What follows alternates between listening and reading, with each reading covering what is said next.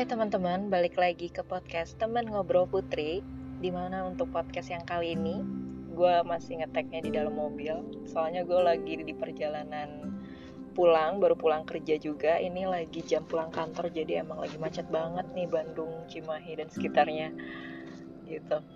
Nah, uh, gue hari ini mau ngobrolin tentang beberapa hal yang gue baru dapet dari buku yang lagi gue baca sih sekarang. Cuma sebenarnya gue belum beres nih baca bukunya. Emang alasan aja sih kayaknya ya, gue belum ngeberesin buku ini sok-sokan sibuk. Padahal emang belum aja sih, belum belum belum pengen gue apa tamatin gitu kan. Cuma uh, dari setengah buku yang udah gue baca, gue emang ada beberapa hal yang udah bisa gue dapetin sih beberapa poin yang lumayan uh, ngena banget nih di gue gitu kan. Tuh apa sih bukunya? Jadi gue tuh uh, lagi baca buku yang nama bukunya tuh filosofi teras kenapa gue bisa sampai beli nih buku gara-gara gue diracunin sama uh, kakak-kakak dari podcast rapot terutama Kak Reza ya. Soalnya waktu itu ada di salah satu episodenya podcast rapot Kak Reza tuh sempat ngebahas tentang uh, beberapa hal yang ya dia juga lagi baca buku itu dan dia juga ngomongin uh, seberapa relate-nya buku tersebut sama diri dia gitu kan. Sebagai sesama makhluk Virgo ya Kareza dan aku gitu kan. Mau aja lu nyama-nyamain sama Kareza ya T gitu.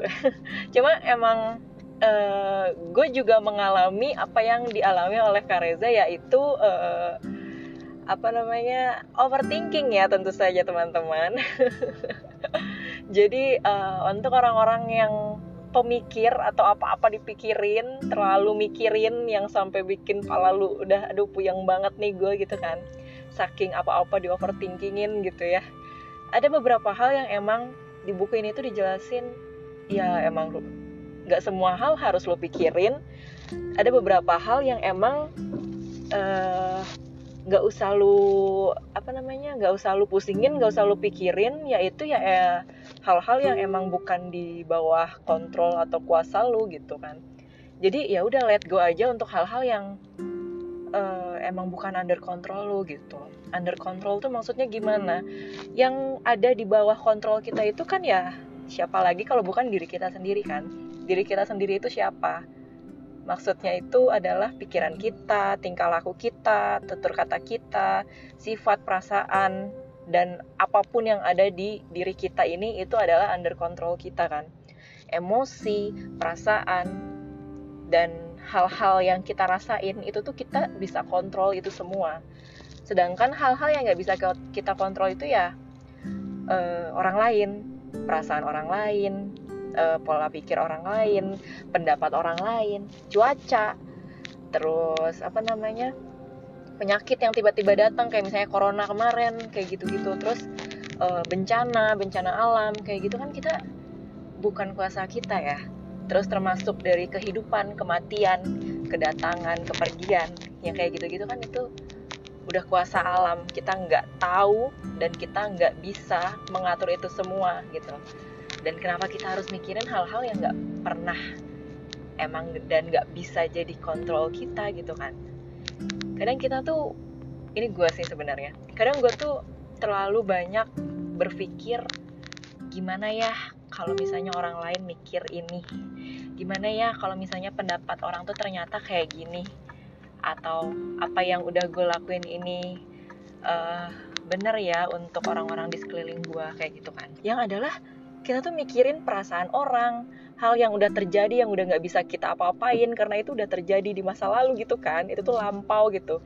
Terus uh, misalnya kecemasan-kecemasan yang kita timbulkan kayak misalnya duh takut gue besok takut ada ini deh atau enggak gue takut nanti bakalan terjadi ini ke gue gini gini. Ini yang adalah emang kadang boleh sih kita mikirin tentang masa depan cuma ketika lu udah kepikiran yang terlalu bukannya itu capek ya guys gitu kan? Emang lu nggak capek buat mikirin hal-hal yang belum tentu terjadi juga ke kehidupan lu gitu kan?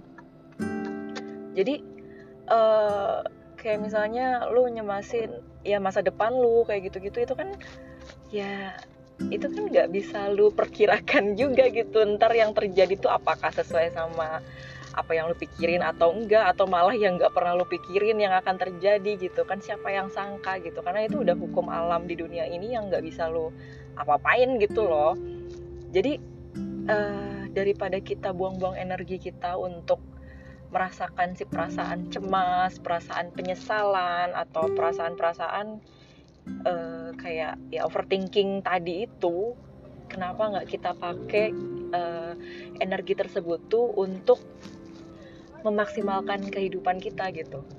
Memaksimalkan gimana sih maksudnya? Nah maksud gue tuh uh, kenapa nggak kita benar-benar fokus aja sih sama kehidupan kita yang sekarang?